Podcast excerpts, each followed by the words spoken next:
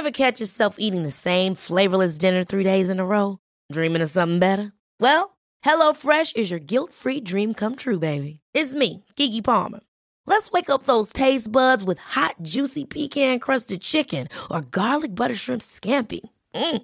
Hello Fresh. Stop dreaming of all the delicious possibilities and dig in at HelloFresh.com. Let's get this dinner party started.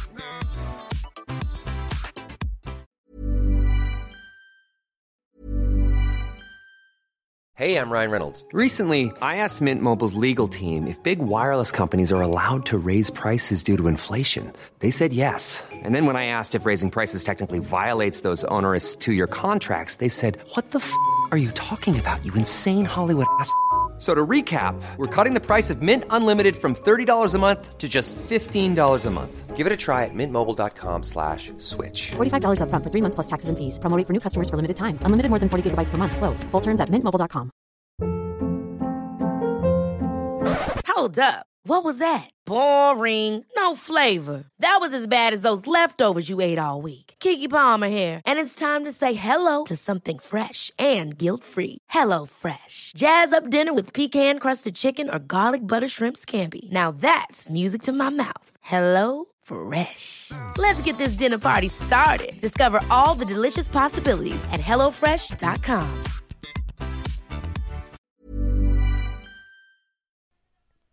Coba kamu bayangkan situasi ini. Bayangkan kamu lagi duduk di sofa yang nyaman, kamu lagi rebahan di kasur, terus kamu iseng-iseng buat scrolling media sosial. Niatnya kamu cuma scrolling, bukan untuk yang lain. Tiba-tiba muncul foto seorang temen dari sekolah kamu yang lama. Dia berpose dengan senyuman lebar di depan mobil mewahnya. Dia berpose dengan senyuman lebar karena menyandang gelar sarjana, gelar terbaik. Dia berpose dengan senyuman lebar karena dia berkeliling ke luar negeri. Dalam hati mungkin kamu merasa iri. Kenapa sih dia bisa sukses? Sementara aku kayak gini-gini doang. Aku ngerasa hidup aku tuh monoton. Gak pernah menyentuh kata sukses. Apa yang terjadi selanjutnya? Mungkin kamu mulai merenung, mulai diem, perasaannya kamu campur aduk. Tadinya cuman mau niat buat scrolling kan tiba-tiba karena lihat kayak ginian hatinya kamu mulai down. Kamu ngerasa sedih. Sedihnya kamu tuh bukan untuk menangisi hal-hal lain tapi menangisi diri kamu sendiri yang kayak ngerasa aku nih tertinggal jauh. Apakah kamu pernah ngalami hal kayak gini? Tapi jujur ya kamu bukan satu-satunya orang yang ngalamin kayak gini. Aku sering banget ngalamin kayak gini dan mungkin orang-orang di luar sana juga pernah ngalamin kayak gini.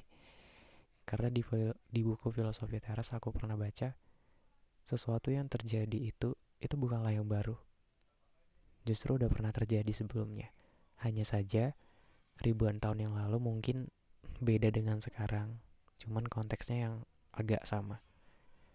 Nah di dunia yang penuh dengan pencapaian dan prestasi yang sering banget di post ke media sosial dengan cepet dengan gampang dengan dengan banyak dilihat banyak orang-orang itu rasanya sulit untuk tidak ngerasa cemburu tidak ngerasa iri. Wajar nggak sih ngerasa iri? Wajar. Wajar punya perasaan kayak gitu. Justru itu hal yang alamiah dalam tubuh kita. Tiba-tiba ada respon kayak gitu. Itu wajar. Dan terkadang kita juga terlalu peduli dengan omongan orang tentang kita. Kenapa sih kita selalu iri sama pencapaian orang lain? Iri di sini bukan bermaksud untuk menyamai, untuk menandingi, atau berkompetisi. Aku tuh nggak suka dia sukses. Aku pengen lebih dari dia, bukan kayak gitu. Iri di sini bermaksud karena kita kayak ngerasa tertinggal jauh banget, kita ngerasa ngestak di situ doang, dan kita pengen beralih dari zona yang kita anggap nyaman, tapi bahaya juga ngerasa bingung ini mulai dari mana. Dan salah satu alasan utama adalah kenapa kita ngerasa iri itu karena kita sering membandingkan diri kita dengan orang lain. Sering banget kan ngebandingin diri kita sama orang lain. Coba kalau nggak ada perbandingan, ya iri itu ada tapi nggak sesering ini. itu seperti mencoba membandingkan buah apel dengan buah jeruk. Set, dengan buah jeruk, setiap orang memiliki perjalanan dan situasinya sendiri. Tapi sering banget kita membandingkan, kita terlalu fokus pada titik terangnya mereka yang kita bandingin tadi dan mengabaikan bagian yang gelap behind the scene di balik layarnya kita nggak tahu mereka tuh bisa berdiri karena apa kita nggak tahu mereka bisa terang karena apa kita nggak tahu itu semua. Yang kita tahu itu cuman mereka tuh bisa sukses. Mereka bisa keluar negeri mereka bisa mencapai ini itu segala macam kita nggak tahu perjuangannya seperti apa. Nah sekarang aku coba nyuruh kamu untuk bayangin lagi. Mungkin episode kali ini banyak ngebayangin ya. Karena bagi aku mudah untuk memberitahu ketika aku, seseorang itu memberikan contoh. Coba bayangkan sesuatu sekarang. Bayangkan kamu ada sebuah pohon besar di halaman belakang rumah kamu.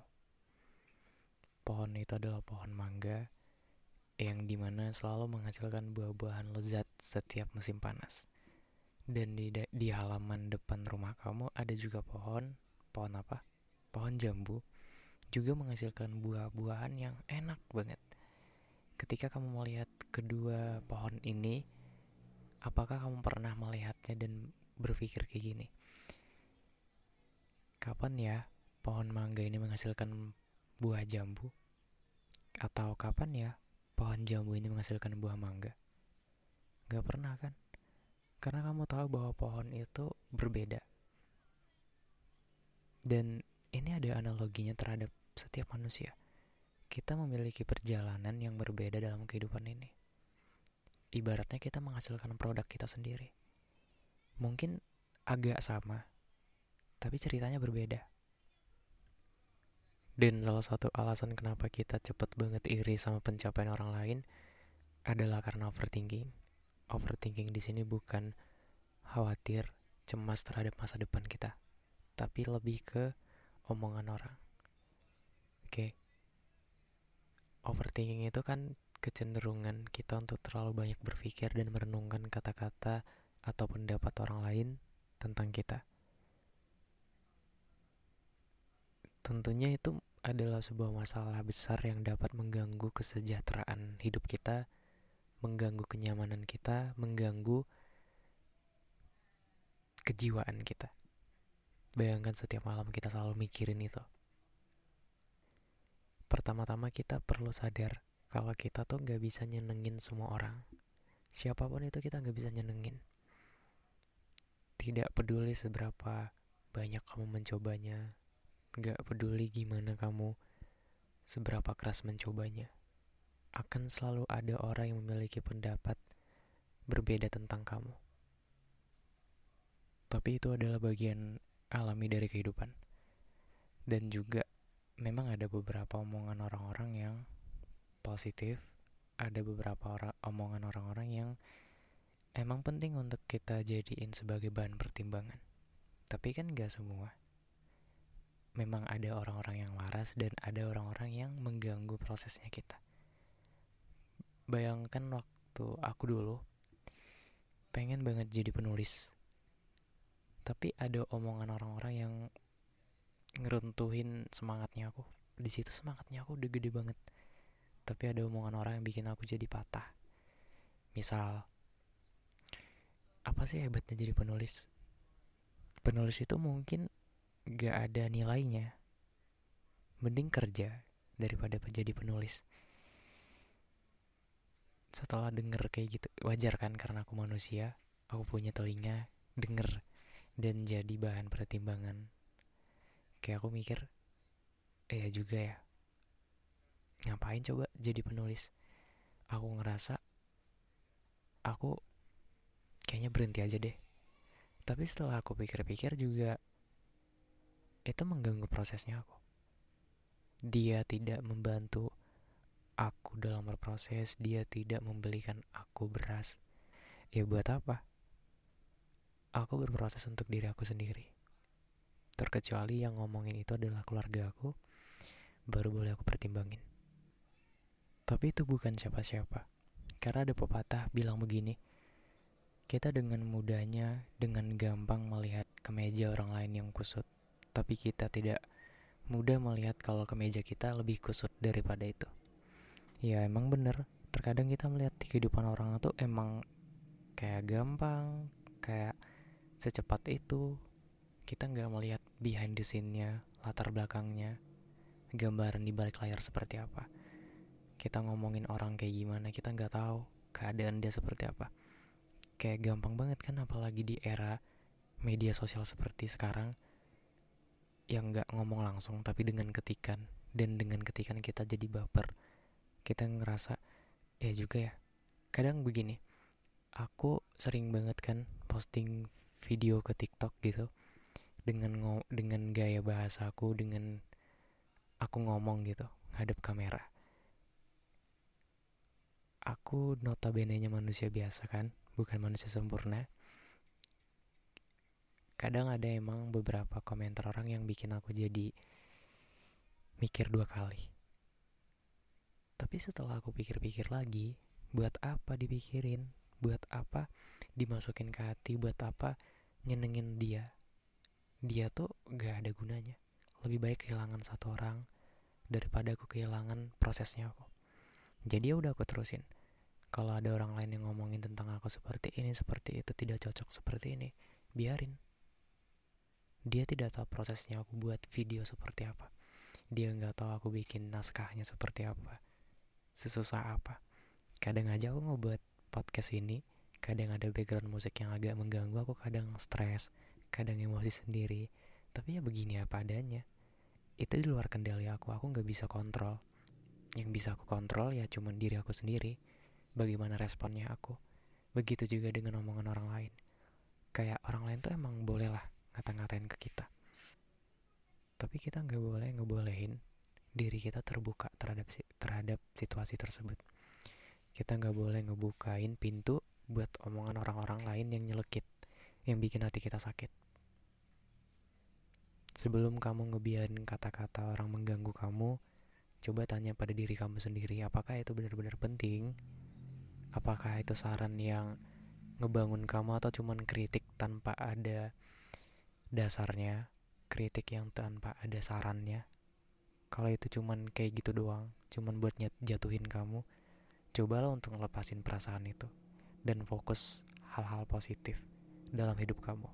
Percaya deh kalau kamu fokus sama kegiatan kamu, kamu tutup telinga kamu, uh, nggak banyak omong ngomong ke orang-orang karena jujur tangan kita cuma dua kita nggak bisa nutupin mulut orang-orang yang bikin proses kita jadi berantakan.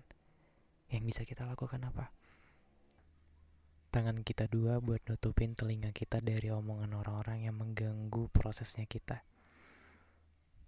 Kita boleh iri tapi jadiin iri itu sebagai motivasi bahwasanya emang kita nggak bisa menandingi atau menyaingi rezeki orang. Semua itu kan ada masanya. Sedang daun jatuh aja emang ada takdirnya. Apalagi kita mungkin jatahnya kita emang belum kelihatan ada masanya mungkin beberapa tahun lagi. Kayak kita emang disuruh sabar.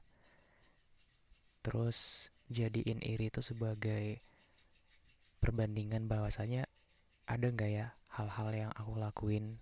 Kalau hal-hal yang aku lakuin itu membawa aku ke arah yang buruk atau ke arah yang benar gitu.